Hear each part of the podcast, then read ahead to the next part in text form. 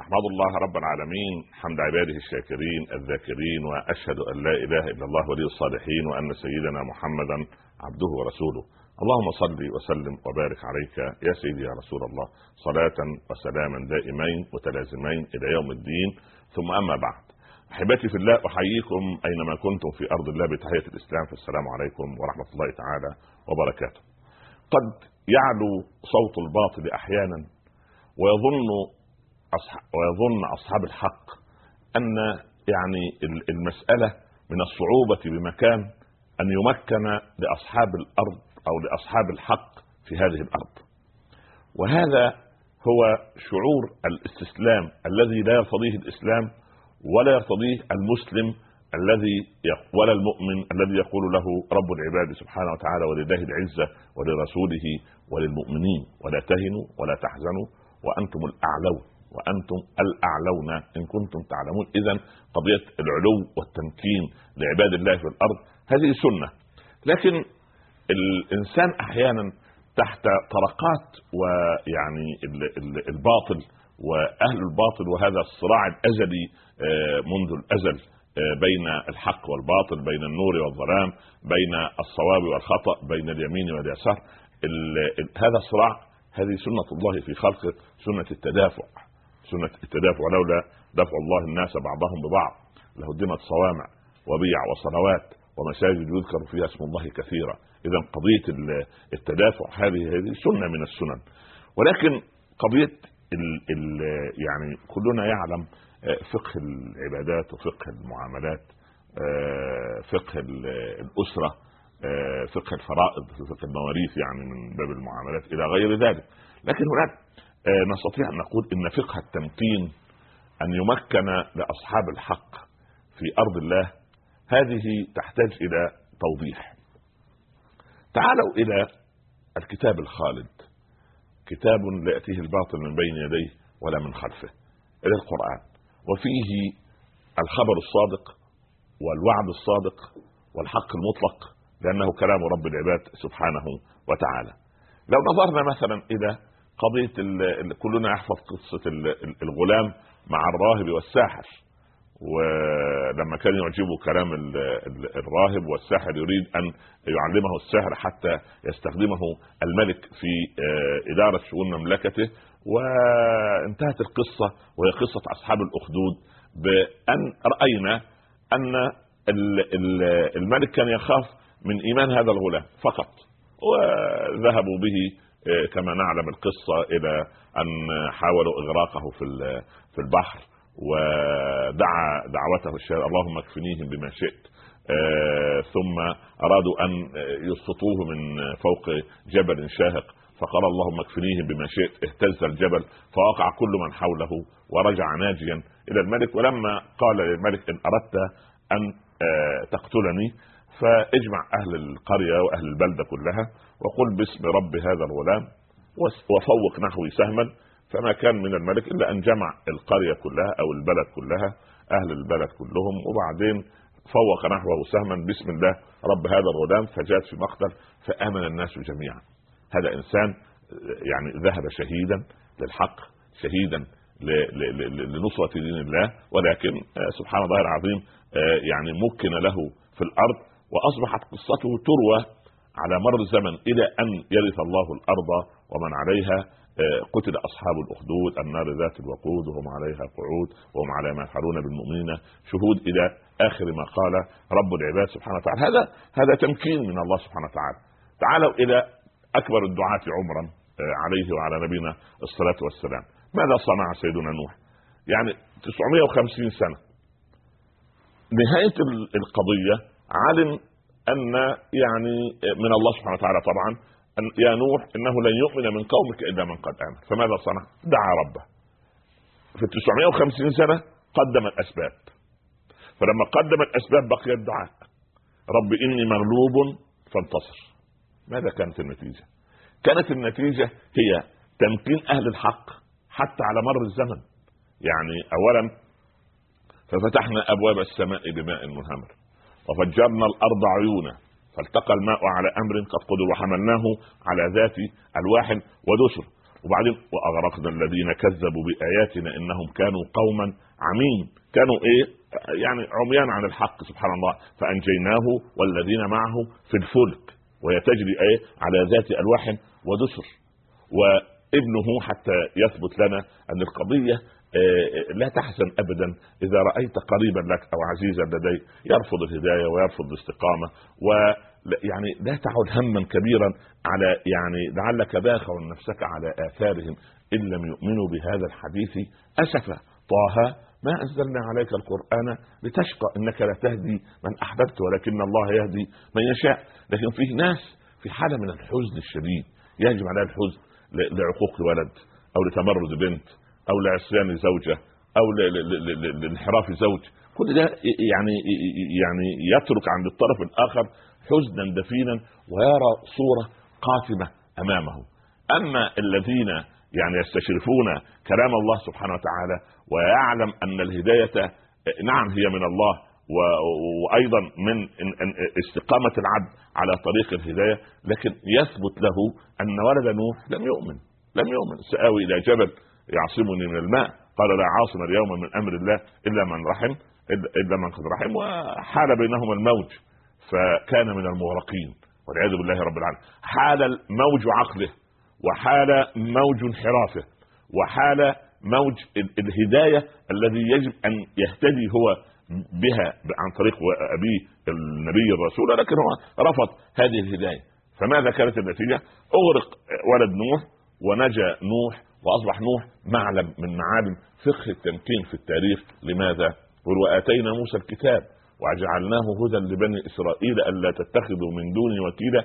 ذرية من حملنا مع نوح. اذا ذكر نوح على مر التاريخ شوف فين كم قرن بين سيدنا نوح وسيدنا موسى. لكن تظل قصة سيدنا نوح والذين نجاهم رب العباد سبحانه وتعالى. هذه الذرية أو هذه النبتات الصالحة التي أنجبت وأنتجت ذرية صالحة. ذرية من حملنا مع نوح. إنه كان عبدا شكورا مع أن سيدنا نوح يوصف بالصبر.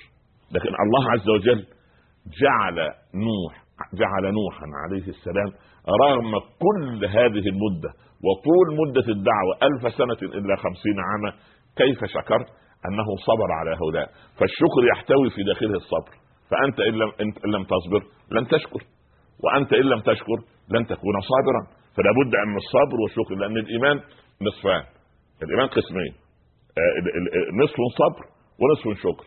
إذا ولى منك الصبر ولم يبقى الشكر فأنت خرجت من حومة الإيمان والعياذ بالله. وأما المؤمن عجب أمره. إن أصابه خير فشكر فكان خيرا له وإن أصابته ضراء صبر فكان خيرا له. وليس ذلك إلا للمؤمن. تعال إلى أيضا فقه التمكين في قصة أخرى في كتاب الله سيدنا داود وسيدنا سليمان. هذا هذا تمكين عجيب. لماذا؟ لأن الله آتاهما من الأسباب ما لم يؤتي أحدا من العالمين. لماذا؟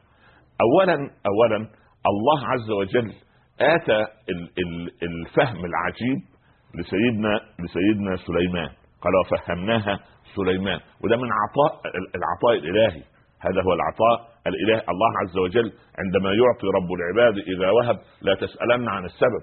رب العباد يعطي هذا عقل ويعطي هذا جمال ويعطي هذا مال ويعطي هذا سلطة. هذا هذا عطاء رب العباد. قل اللهم مالك الملك. تؤتي الملك من تشاء وتنزع الملك ممن تشاء وتعز من تشاء وتذل من تشاء بيدك الخير. إنك على كل شيء قدير. اذا الملك كله بيد من بيده الأمر كله. فأنت لا تعترض. إنا سخ... سيدنا سيدنا داود وسلم إنا سخرنا الجبال معه يسبحنا والطير. من أوتي من قبل أو من بعد أنه يسمع تسبيح الجبال من حوله وترنيمة الطير من حوله. الطير كلما طلع هو من من الزبور وكان صوف جميل لأن سيدنا الحبيب صلى الله عليه وسلم قال لأبي موسى الأشعري يا أبا موسى لما دخل المسجد أبو موسى لا وجد أبا موسى الأشعري يصلي. فأبو موسى يصلي بصوت يؤنس نفسه في المسجد بتلاوة القرآن. فبعد أن انتهت الصلاة التفت فرأى بجواره الحبيب صلى الله عليه وسلم سيدنا محمد. فقال له يا أبا موسى لقد أوتيت مزمارا من مزامير آل داود. فقال يا رسول الله تسمعني منذ متى من كم أنت جالس جنبي؟ قال من أول ما قرأت. قال لو كنت أعلم أنك تسمع لحبرته لك تحبيرا وقال علماؤنا اسمع القرآن ممن إذا سمعته قلت إنه يخشى الله لأن في ناس لما تقرأ القرآن تعيش أنت معها. إذا تكلمت عن الجنة تنسمت ريحها. وإن, وإن نطق بآيات الله عن النار شعرت بلهيبها في أذنيك وفي في, أمامك سبحان الله. وان وإن رأيت سبحان الله القارئ يتكلم عن الرحمة يعني تنسمت نسائم الرحمة هكذا تعيش مع كتاب الله سبحانه وتعالى. فالله مكن لداود وسليمان سخر له الجبال وبعدين سخر له الطير وبعدين والطير محشورة كل له أواب. أواب يعني رجاع. يعني زي ما عشان لو أن من أبنائنا وبناتنا آه، من الطلاب والطالبات والشباب والشابات يسمعوني الآن عامل زي الإيه؟ عن طريق التشبيه يعني زي الكورس أو المجموعة المحيطة بالمنشد. يعني هو يقول مين من الذي يردد خلفه؟ الطير. الطير سبحان الله. ويقال في كتب التفسير ان ماء النهر إذا قرأ كان إذا قرأ داود يتوقف ماء النهر عن الجريان. من حلاوة هذا الصوت. الكون كله مسبح. الكون كله مسبح. لكن نحن لا نفقه تسبيحه قال ابن مسعود لما لا نسبح لما لا, نس... لا نسمع تسبيح الأشياء؟ ما كل شيء بيسبح. طب ليه لا نسمعه؟ قال لو سمعتم تسبيحها ما استفدتم منها. يعني إزاي؟ يعني أنا هذا أنا هذا أنا أجلس أنا على كرسي. تمام؟ فإذا جيت اجلس وسمعت الكرسي يقول لا حول ولا قوة إلا بالله لن أجلس. وإذا مددت يدي إلى كوب الماء لأشرب فقال أعوذ بالله من مثلا يعني لم أشرب. وإذا أمسكت القلم هكذا فقال يعني يعني لا إله إلا الله ربما يعني سبحان الله يعني ويصير الكون كله ضوضاء. لكن الله عز وجل كل شيء في في سبحان الله في تسبيح سبحان الله. حتى يقال من طرائف العلماء أن يعني عالم قاعد وسط مريدين في الصحراء. فحان للعالم أن عزكم الله أن يبصق. فبصق وغطى ما صنع بالرمل. قال أحد المريدين اللي هم أولاد النصوص فقال يا شيخ هكذا تبصق يعني في مسبح يعني الأرض تسبح. قال مسبح في مسبح. يعني هذا يسبح وهذا يسبح. كله يسبح سبحان الله. والكون الله عز وجل سخره لهذا الإنسان. فسيدنا داود لما انجلى قلبه كما نقول دائما إن القلب مرآة والهوى صدق. وكلما قل الصدق كلما انجلت المرآة فرأى الإنسان حقائق الأشياء واضحة. أصحاب القلوب النقية القلوب السليمة يعني يوم لا ينفع مال ولا بنون إلا من أتى الله بقلب سليم. صاحب القلب السليم هو الذي يرى الكون كله مطبوع عنده فيرى حقائق الأمور. لا يرى صورا مقلوبه لا يرى سبحان الله صعوبة في عبادة وإنها لكبيرة إلا على الخاشعين. كبيرة جدا مين يقول لك أقوم وأتوضأ وبعدين أقف وأركع وأسجد وأذهب. يعني سبحان الله العظيم. فالله سبحانه وتعالى جعل هذا الكون يسمع داوود تسبيحه عن طريق الجبال وعن طريق الطير. سبحان الله. والطير محشورة. كل له وشددنا ملكه. الله عز وجل لما الإنسان يسير على الحق سبحان الله الله سبحانه وتعالى يمكنه في الأرض. هذه فقه التمكين. وشددنا ملكه وآتيناه الحكمة وفصل الخطاب. الحكمة الإلهام. ومن يؤتى الحكمة فقد أوتي خيرا كثيرا. اللي هم العلماء المحدثين يتكلموا عن الفلسفة اللي هي اللي هي محبة الإيه؟ حب الحكمة الفيلوسوفيا كما يقولون. حب الحكمة. حب الحكمة اللي هو إيه؟ كنه الأشياء. كنه الأشياء. فسيدنا داود آتاه الله الحكمة وفصل الخطاب ولذلك لما الله عز وجل يصبر حبيبه صلى الله عليه وسلم يقول فاصبر على ما يقولون واذكر عبدنا داود ذا الأيد إنه أواب. سيدنا داود ربنا أكرمه. طب وكيف يصبر؟ الرسول صلى الله عليه وسلم كان في البداية كانت أهل مكة يؤذونه والمشركين وهو إلى آخره. كيف يتمثل بداود عليه السلام؟ وداود ده ملك نبي رسول أوتي ما لم يؤت أحد. لا. الصبر على العطاء أصعب على النفس من الصبر عن المنع. يعني الإنسان لما يصبر على العطاء يشكر لأن كم من مال أطغى صاحبه. وكم من كرسي جعل صاحبه طاغية من. من, من, طواغيت العصور سبحان الله. لما فرعون لم يصبر على عطاء الله طغى. وقارون لم يصبر على المال بغى. وسبحان الله هامان لا يصبر على الوزارة. شوف عمل إيه؟ سبحان الله. فالصبر الصبر على العطاء أصعب على الناس من الصبر عن المال. يعني أنا لم أجد طعاما أصبر. لم أجد شرابا أصبر. لكن لما أعطى كثرة منه قد أطغى. قد أطغى. فهذا هو نوع من إيه؟ من, من, فهم فقه التمكين. ولنا في فقه التمكين تكملة حوار ولكن كونوا معي بعد الفاصل إن شاء الله نكمل حديثنا عن فقه التمكين. مكننا الله وإياكم في هذه الأرض بالحق ولأجل الحق إن ربي على ما شاء قدير. كونوا معي. أهلا بكم. مرحبا بكم أحبتي في الله مرة أخرى ونحن نتحدث عن آه، بعض من فقه التمكين لأهل الحق في الأرض. سبحان الله العظيم ولقد آتينا داود وسليمان علما. العلم ده أول درجات التمكين أن يعلم الإنسان. ماذا يعلم؟ العلم يعني الحصول على انجازات علمية. ياما في ناس معهم أعلى الشهادات ولا يركع لله ركعة. أنا أعتبر أجهل الجهال.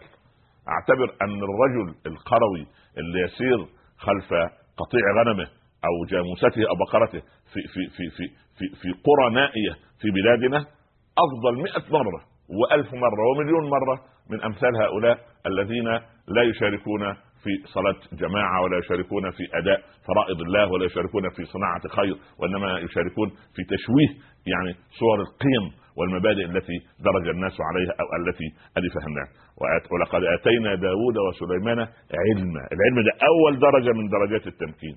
إيه كمان مكن له سيدنا سليمان وارث داوود فنفس القضية. أخذ إيه؟ الريح. ولسليمان الريح. الله أكبر. الريح لسليمان. الريح لها يعني بعد بعد يعني سبحان الله. يعني تملك خالقها لكل شيء فهو مالك يوم الدين ومالك مالك الدنيا والدين سبحانه وتعالى. لكن أعطى حركة الريح لسليمان. تخيلوا أنتم أن رجلا صاحب هوى في زمننا وأعطي أو أوتي ما أوتي سليمان. يجي يغضب من بلدة معينة وقريه معينة ولا ناس أذوه إذا معين يمنع عنهم الريح. لكن من كرم الله الله لا يعطي مقادير الأمور لأحد من خلقه. لكن يعطي إشارات تمكين لعباده المتقين العباد الصفوة العباد النخبة. زي سيدنا سليمان كده الدعاة الأول. ولسليمان الريح سبحان الله. غدوها شهر ورواحها شهر. يعني إيه؟ يعني تهب علينا الآن نسمات الصيف. يعني أو أو يعني حرارة الصيف.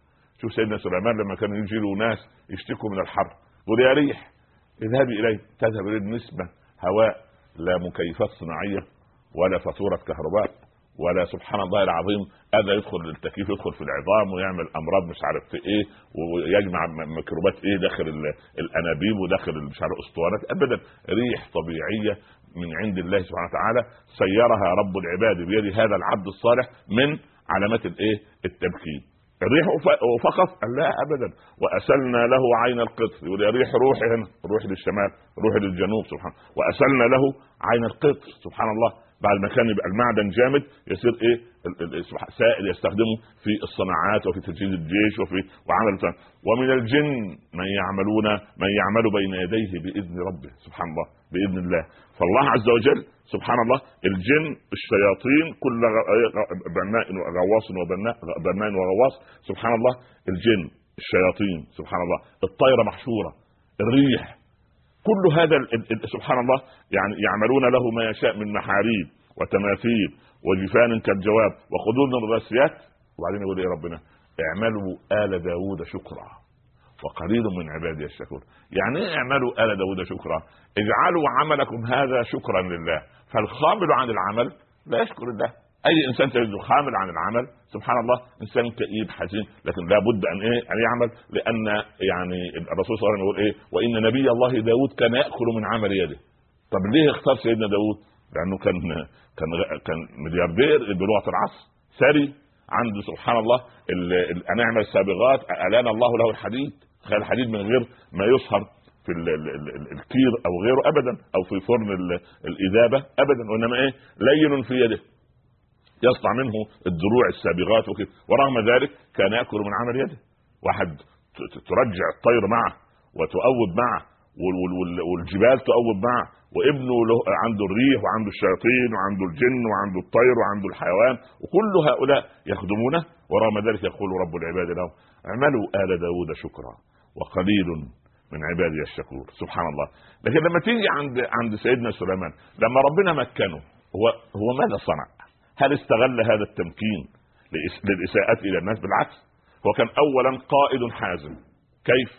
أول ما وجد الهدهد يعني يعني غائبا ماذا قال؟ قال لاعذبنه عذابا شديدا أو لأذبحنه ده حزم ولكن في نفس الوقت إيه؟ يتأنى أو لا ياتيني بسلطان مبين. يبقى إيه؟ القائد والحاكم دايما أو المدير مدير المؤسسة ما يكونش عصبي. أي مدير لمؤسسة يكون عصبي ومتع... لا يصلح في الإدارة. لأنه خلاص يبقى في يد الشيطان. اول ما يغضب الإنسان يصير في يد الشيطان كالكرة في يد الصبي سيدنا سليمان عنده حزم بس عنده إيه؟ عنده تأني. وهذا أقوله للآباء والأمهات. يعني لا تغضبوا من الأبناء. اصبروا وتصبروا عليه. يعني لازم اصبروا وصابروا. لابد من المصابرة. أصبر وأنزل إلى مستواه وأنزل لحدود الدردشة معه لكن أصدر أوامر أوامر سبحان هو قد يطيع الولد لكن يطيع يعني رغم أنفه أنا أريد أن يطيع طاعة إيه داخلية. فسيدنا سليمان رغم ذلك كان عنده سعة الصدر. يدخل عليه هدهد ما يساوي هدهد في ملك سليمان ولا شيء. أحط بما لم تحط به وجئتك من سبأ بنبأ يقين. يا الله أنت يا هدهد. يا مسكين يا يا يا, يا, حجمك كم يعني؟ كم جرام هذا الهدهد؟ ولا شيء. إيه يساوي في ملك سليمان. لكن يقول سليمان إيه؟ أحط بما لم تحط به هرد سليمان قال له اخرس تأدب معي. كيف تقول لي هذا؟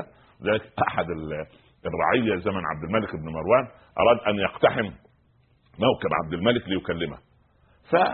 فالمهم عبد الملك وكأنما أراد أن يشيح عن الرجل بوجهه فأمسك الرجل لجام فرس عبد الملك بن مروان أمير المؤمنين. قال يا أمير المؤمنين إن نملة استوقفت سليمان فوقف لها وما أنا عند الله بأحقر من النملة وما أنت عند الله بأعظم من سليمان. فهبط فورا ترجل عبد الملك بن من فوق فرسه وأنصت إلى شكايه الرجل. أدي سعه الصدر إياك واحد منكم يعني تأخذه العزة بالمكان ولا بالمسؤولية ولا بالإدارة ولا بالكرسي اللي قاعد عليه ويظلم الناس ولا يفتري على خلق الله ولا يستغل المسؤولية اللي ربنا ده المسؤولية دي خطيرة سبحان الله وهو يجب أن يكون أحزم الناس والين الناس وأبر الناس سبحان الله. ثم من صفات هذا التمكين أن سيدنا سليمان كان يتروى عند الخبر وليس يعني نرسل هدية ونشوف أنا أنظر أصدقت أم كنت من إيه؟ أنت صادق ولا كاذب؟ لازم إيه؟ لازم يتاكد سبحان الله. ورغم كل هذا وبعد كل هذا هو شاكر لربه. إيه اللي عمله؟ قال إيه؟ هذا من فضل ربي. كل الخير اللي أنا فيه ده كله. من فضل ربي. ليبلوني. أشكر أم أكفر؟ لكن كثير من المسلمين في هذا الزمن الذي تضافرت علينا فيه جحافل الباطل دائما يشعر أو تمر به إيه؟ مسحه حزن أو أسى. ابدا الله ابدا. إن يقول علماء النفس إن السرور فن. السرور نوع من الفن كبير. وبعدين الناس اللي تتعاطى أدوية صباح مساء مهما أنت تتعاطى أدوية لل... لأنك تكون هادئ أنك تكون آه، تخفض من الضغط العالي أو ترفع من الضغط إيه فائده الأدوية؟ وأنت قلبك مليء بالقلق من بكرة. والخوف من الغد سبحان الله والتوتر والحزن. الحزن يقصر العمر والله للأسف الشديد. على ما تحزن. أنت في المستقبل ده المستقبل ده يعني شيء من الخيال. لا تأتي بالخيال لتضع أمامك لتضع حقائق بيسموها فوضوية التفكير. لا داعي لأن تكون فوضوي التفكير. خليك في الواقع. أنت أصلح واقع واقعك سبحان الله وعش يومك وجدد في هذا اليوم نشاطك. ولا تجعل الأعمال أكثر من الأوقات مش تصحى الصباح تقول إيه؟ أنا عندي اليوم عشرة مشاوير أو عشرة أمور. لا لا أنا أنجز اليوم ثلاثة. فلما تنجز خمسة تفرح تقول الله الحمد لله. أنا كنت عايز أنجز ثلاثة فأنجزت خمسة. لكن لما تقول أنا عايز أنجز سبعة أمور وتنجز منهم أربعة تحبط. تقول لا إله إلا الله ضاع اليوم. وخلي بالك الوقت هذا الكلام للأب وللأم وللتلاميذ والطلاب إحنا داخلين على أيام امتحانات. الوقت جندي من جنود الله. الوقت جندي. فإحنا عايزين نتقي خالق الوقت سبحانه وتعالى. الله عز وجل. فلما نتقي خالق الوقت ولا نؤذي الناس ثق تماما أن الله سوف يضع لنا الإيه؟ لنا البركة في الوقت. في ناس يعني من من موضوع فقه التمكين يحبط عندما يرى هجوم المهاجمين له وكلام المتكلمين عليه وهجوم وسب بعض الشانئين له والحاسدين له. إذا كان الخالق سبحانه وتعالى الخالق عز وجل يعني سبحان الله يعني سبه بعض الخلق سبحان الله فلا تصبر أنت. وما حسدك أحد إلا وأنت خير منه. هو يحسدك ليه؟ لماذا يحسدك؟ لأنك خير منه أفضل منه سبحان الله. فلا تأخذ بالك في في, في المسألة. وقضية أخرى أخطر عشان عشان يمكن لك في الأرض لا تنتظر شكرا من أحد. تيجي الزوجة تقول 25 سنة اخدم في هذا الرجل وهو لا لا لا لا, لا, لا شكر ولا منا ولا ولا كذا. فيحصل لها إحباط. والرجل هكذا يقول أنا مؤدب معها وأنا كريم معها ورب. ابدا لا تنتظر شكرا من أحد. لماذا؟ لأن الذي يحمدك على الأمور هو الله رب العالمين. سبحانه وتعالى. ليه؟ ليه؟ لأن يعني إنما نطعمكم لوجه الله لا نريد منكم جزاء ولا شكورا. وبعدين سبحان الله طالما أنت تصنع لوجه الله خلاص. لأن كفران النعم حقيقة حقيقة يعني يعمل صدمة للعبد. يعني أنما والعياذ لما تجد واحد يعني مثلا أقاربك تقول يا أخي ده أنا عمي هذا وقفت بجواره وابن خالي هذا أنا اللي عينته ووليت هذه الوظيفة وكلمت له السيد معالي الوزير سبحان الله ورغم ذلك انقلب علي شوف الزوجة المرأة تقول أنا شوف زوجة ابني هذا وقفت معاها ضد ولدي ورغم ذلك ما شكرت وتكلمت علي ولسنت علي بالكلام. والله كل هذا لا يقدم ولا يؤخر. بالعكس يصيبك بإحباط. لا تنتظر شكرا من أحد. لماذا؟ لأن أنت لما تعمل العمل أنت أنت لا تعمله إلا ابتغاء مرضاة ربك. بس. انت عايز تعمل ابتغاء مرضات الله أما انت منتظر من عبد ان, أن يشكرك يشكرك على ماذا؟ ابدا. لا تضيع ابدا ثوابك ولا تضيع عملك ولا تعمل مراءة لأن اذا غضبت فأنت مرائي. ليه؟ يقول الله. طب أنا خدمت وأنا عملت وسويت ابدا ابدا بالعكس. الإنسان يعني يعني والله سبحان الله أحمد بن حنبل كان يقول عشت مع زوجتي أربعين سنة. أربعين سنة سبحان الله. ما اختلفت معها قط لأن المنهج واحد. واللغة واحدة. والعزف يعني إذا جاز التعبير يعني على نغمة واحدة مش ما فيش نغمة نشاز لا هي سبحان الله العظيم. فشوف واحد عايش مع زوج 40 سنة ما اختلف معها ده سبحان الله. ده الاختلافات بتحصل في الدقيقة خمس ساعات. كل دقيقة يحصل 700 اختلاف سبحان الله. فهذا كلام كلام مش منطقي. لا إله إلا الله. فأنا أريد أن أقول ان ان أن الإنسان الذي يريد أن يمكن له في الأرض يقرا يقرأ سير الصالحين. شوف شوف شوف. أحمد بن حنبل سجن ها؟ فصار إماما للسنة صح؟ إمام السنة من؟ أحمد بن حنبل سجن. عشان كلمة واحدة أن يقول أن القرآن مخلوق. فقط ولكن رفض. سجن هذا ال ال ال الإمام ال ال ال إبن تيمية حبس عمل إيه؟ سبحان الله ألف لنا كل هذا هذه الحصيله العجيبة من من الفقه ومن العلم رحمه الله رحمة واسعة وجزاه الله عن عن الإسلام خيرا. الإمام السرخسي وضح في بئر سنوات عمل لنا 20 مجلدا في الفقه. سبحان الله. شوف نتاج التحدي.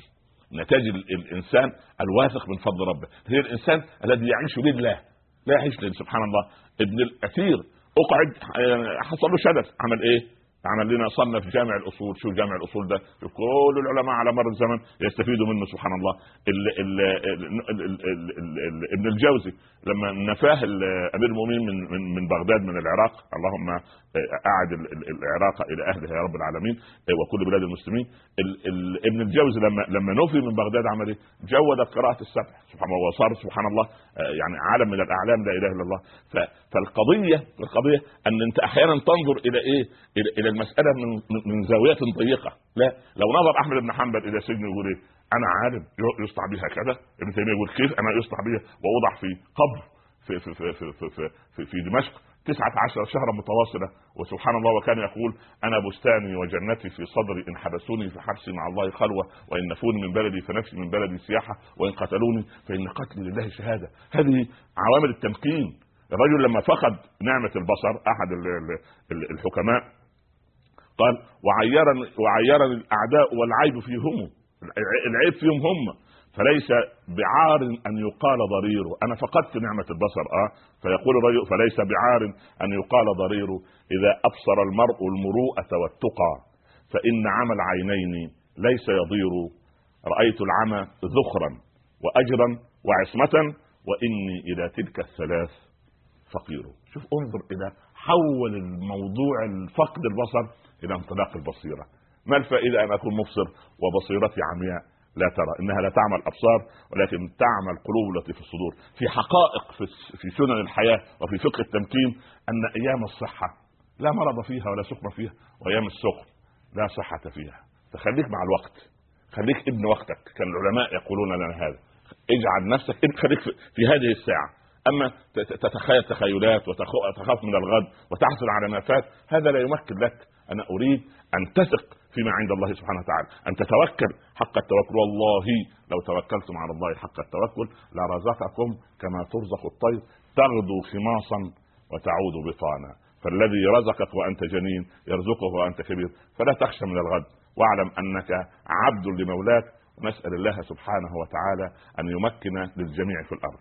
أنا أريد ان أضع يعني نقاط محددة في قضية فقه التمكين؟ أنت لا يمكن لك ولا يمكن للأمة إلا إذا مكنا نحن لدين الله في أنفسنا اولا. ما ينفعش أقول لواحد لا تكذب وأكذب أنا. لا ينفع أقول لواحد لا يا أخي لا تتعامل في في في, في, في بالحرام وأنا أكل الحرام. لا ينفع أقول لواحد سبحان الله لا تشرب كذا من المحرمات وأنا أس... لا لا بالعكس. أنا اكون قدوة لنفسي اولا. فالإنسان فيه ثقة وتوكل على الله سبحانه وتعالى. فأنت إذا فقهت فقه التمكين هكذا مكن لك وللأمة في الأرض. مكننا الله وإياكم بطاعته وأبعدنا وإياكم عن معصيته. كونوا معي بعد الفاصل. نكمل حديثنا ونكمل اتصالاتنا بكم. أهلا بكم. مرحبا بكم أحبتي في الله مرة أخرى ونحن نتحدث عن شيء من فقه التمكين. آه الإنسان يريد آه دائما من العلماء يعني تحديد نقاط محددة. أنا اعطيك بعض النقاط حتى يعني يستقيم الحال ان شاء الله رب العالمين وفي في في في قضية الحياة التي نحياها. أول شيء من الأشياء التي تريح قلبك في فقه التمكين ألا تتسخط من قضاء الله. قضاء الله كله خير سبحان الله ليه؟ لأن أنت لا تدري أين الخير، الخير يروح فين؟ أو الخير من أين يأتي؟ أنت لا تدري رب يعني ينعم الله بالبلوى وإن عظمت ويبتلي الله بعض الناس بالنعم. يضيق صدري بغم عند حادثة. وربما خير لي في الغم أحيانا. ورب يوم يكون الغم أوله وعند آخره روحا وريحانا. ما ضقت ضرعا بغم عند نائبة إلا ولي فرج قد حل أو حان سبحان الله. يعني يعني ولرب نازلة يضيق بها الفتى ضرعا وعند الله منها المخرج. ضاقت فلما استحكمت حلقاتها فرجت وكنت أظنها لا تفرج. أول شيء لا تتسخط من قبل أول ما تنزل مصيبه قلت ها من أين هذه؟ من الذي ابتلاني بها؟ من الذي أول سؤال. ثاني شيء سبحان الله إياك أن تعقد على الناس.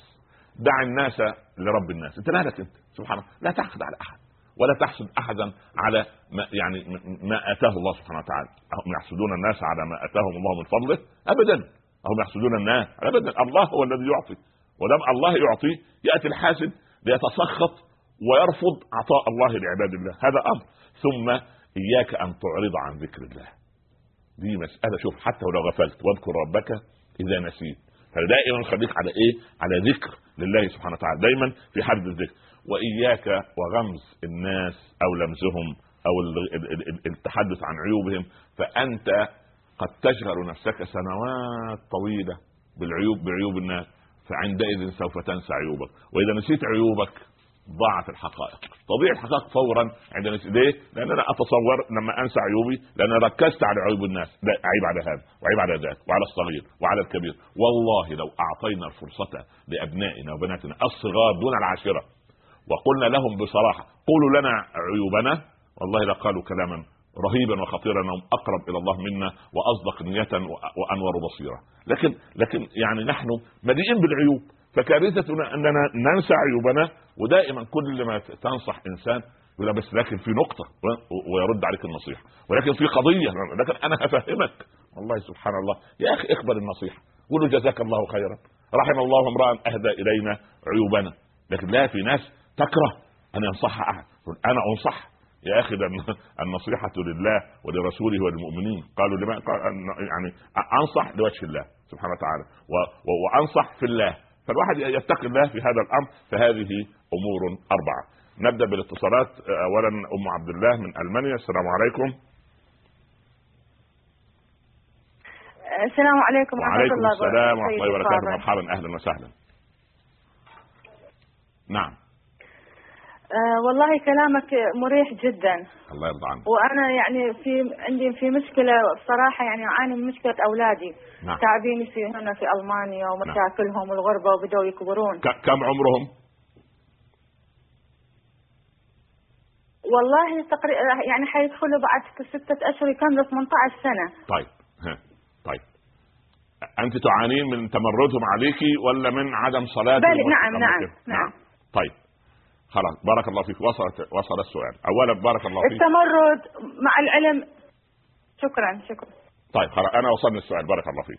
اولا ال- بالذات إخواننا وأخواتنا المقيمين في أوروبا وفي الغرب وفي أمريكا وأستراليا وغيرها نقول أول شيء ابحثوا في البداية عن الطعام الحلال يعني أكل الحلال مش الطعام الحلال اللي هو ال- المذبوح لا المال الحلال أساسا.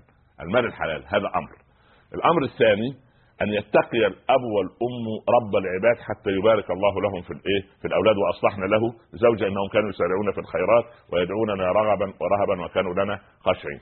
الأمر الثالث أن سبحان الله نصادق الأولاد من الصغر فلا نتركهم للمجتمع هو الذي يربيهم لنا ونحن الأولاد لابد لنا من عمل إيه؟ أن نقوي عندهم جهاز المناعة الإيمانية.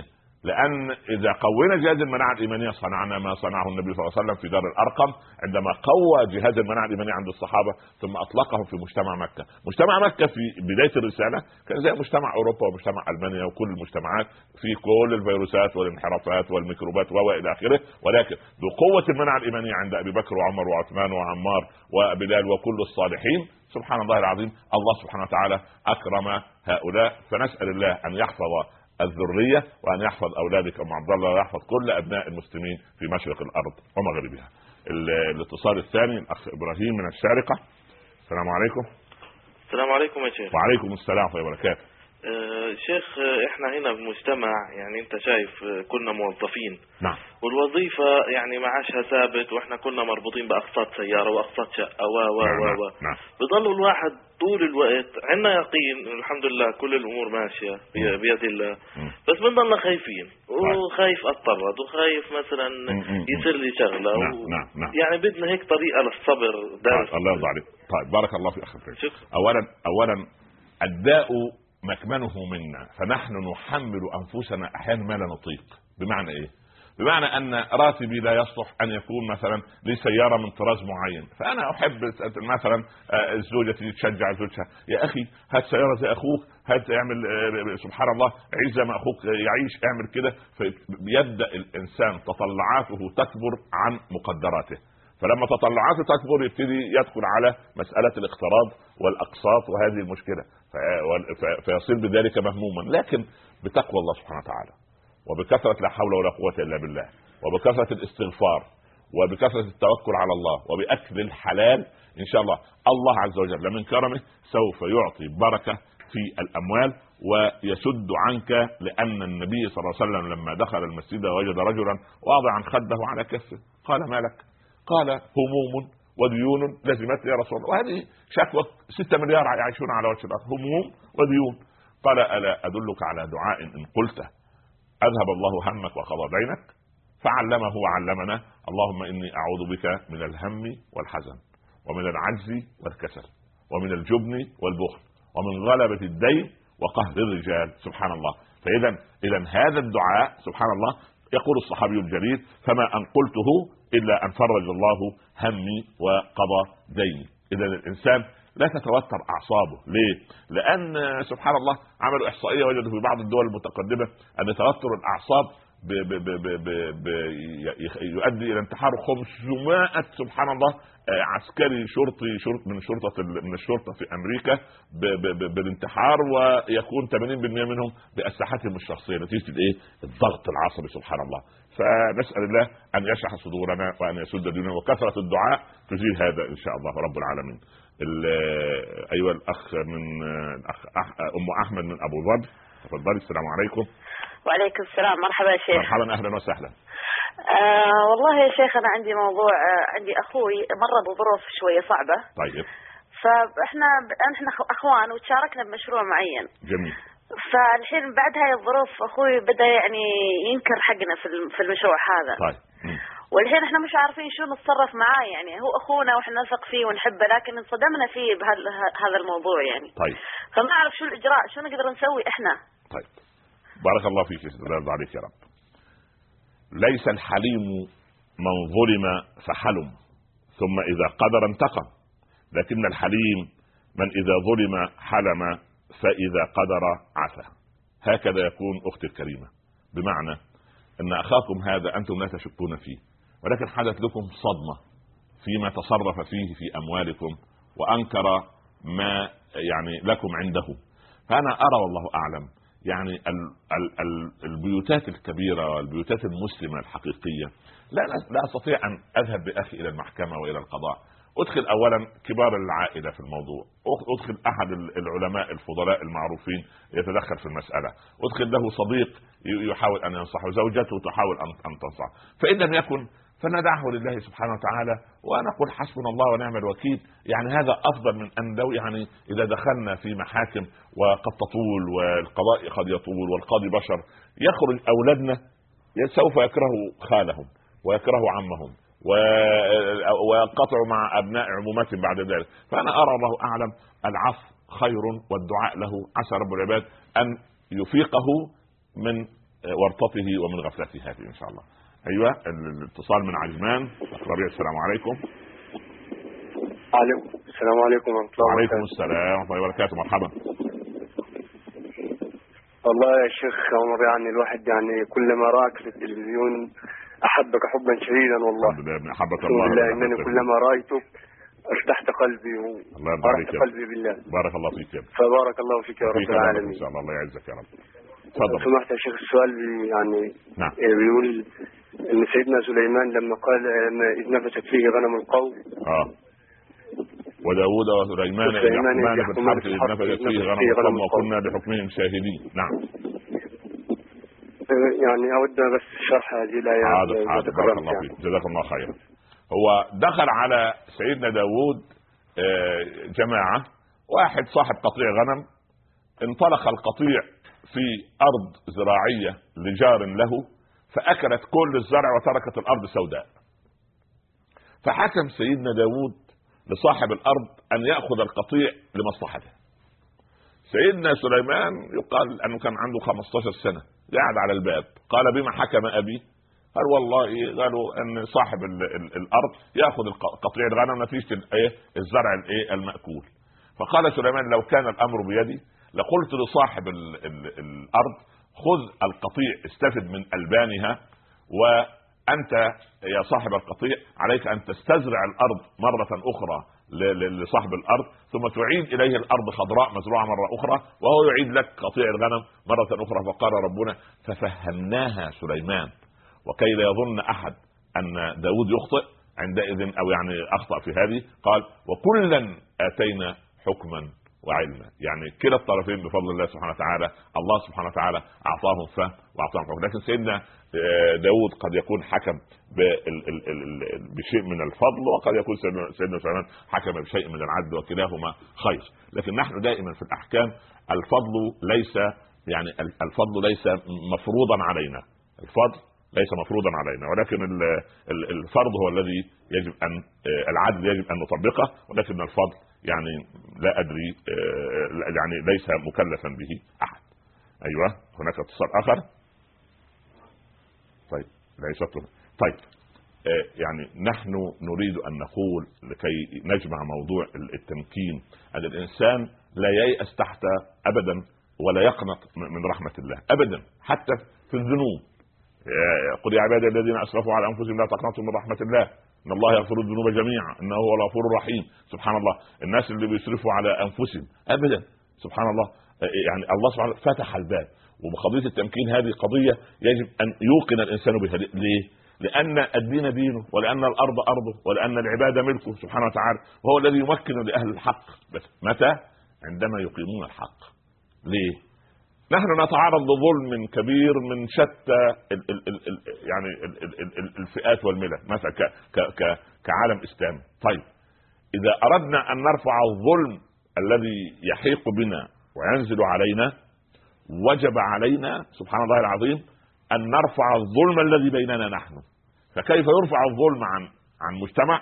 فيه ظلم للأرملة وللمطلقة ولليتامى وللضعفاء وللمساكين ولمن لا ناصر لهم إلا الله ولا ولا يرحم كبيرنا ولا يعطف أحد على صغيرنا ولا يعرف لعالمنا حقه.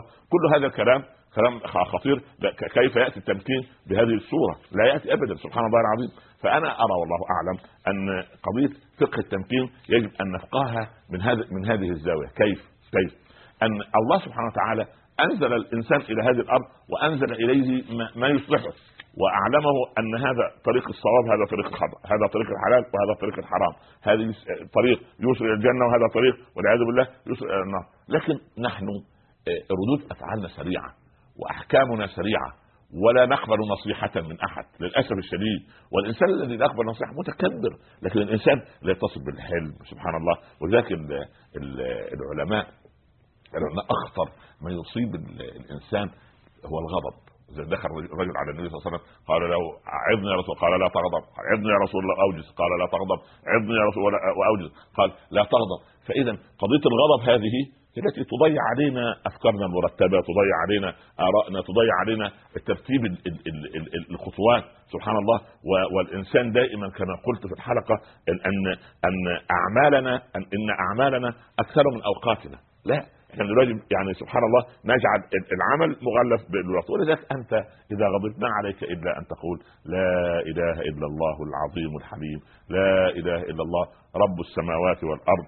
ورب العرش العظيم هكذا إذا غضبت. اللهم أجرني من حر غضبي. ولذلك العلماء العلماء عشان فقه التمكين يقول لا يعرف ثلاثة إلا عند ثلاثة. لا يعرف الشجاع إلا عند الإيه؟ عند الحرب. ما أنا شجاع أنا شجاع يقول قصائد وخطب لكن ساحة الجد سبحان هذا هذا انسان ولا يعرف الحليم إلا إيه؟ إلا عند الغضب. فأنت لما تصطدمه شوف هو لما يغضب. يكون إيه؟ ما هو رجل الذوق اتيكيت الزوجة تسمع عن زوجها كلام عجيب تقول الأستاذ فلان في المصلحة والمؤسسة أدب وأخلاق تقول عجبا أين هذا الرجل الذي يتكلمون عنه؟ ربما هو في البيت غضوب شرس. سبحان الله وربما في البيت صورة وخارج البيت إيه؟ صورة أخرى. و ولا يعرف الأخ إلا عند الحاجة إليه. أحبتي في الله طوفنا بكم شرقا وغربا ومع كتاب الله عشنا في هذه الحلقة في فقه التمكين. نسأل الله سبحانه وتعالى أن يمكن للحق وأهله في هذه الأرض. اللهم لا تدع لنا في هذه الليلة العظيمة ذنبا إلا غفرته ولا مريضا إلا شفيته ولا عسيرا إلا يسرته ولا كربا إلا أذهبته ولا هما إلا فريته ولا طالبا إلا نجحته. اللهم خذ بيد أبنائنا وبناتنا في الامتحانات واجعل الأسئلة بردا وسلاما على قلوبهم ورقق قلوب المصححين والممتحنين عليهم ووفقهم وإيانا لما تحب وترضى. وصلى الله على سيدنا محمد وآله وصحبه وسلم. سعدت بكم ونلقاكم إن شاء الله الحلقة القادمة. لا تنسوني من صالح دعائكم. والسلام عليكم ورحمة الله تعالى وبركاته.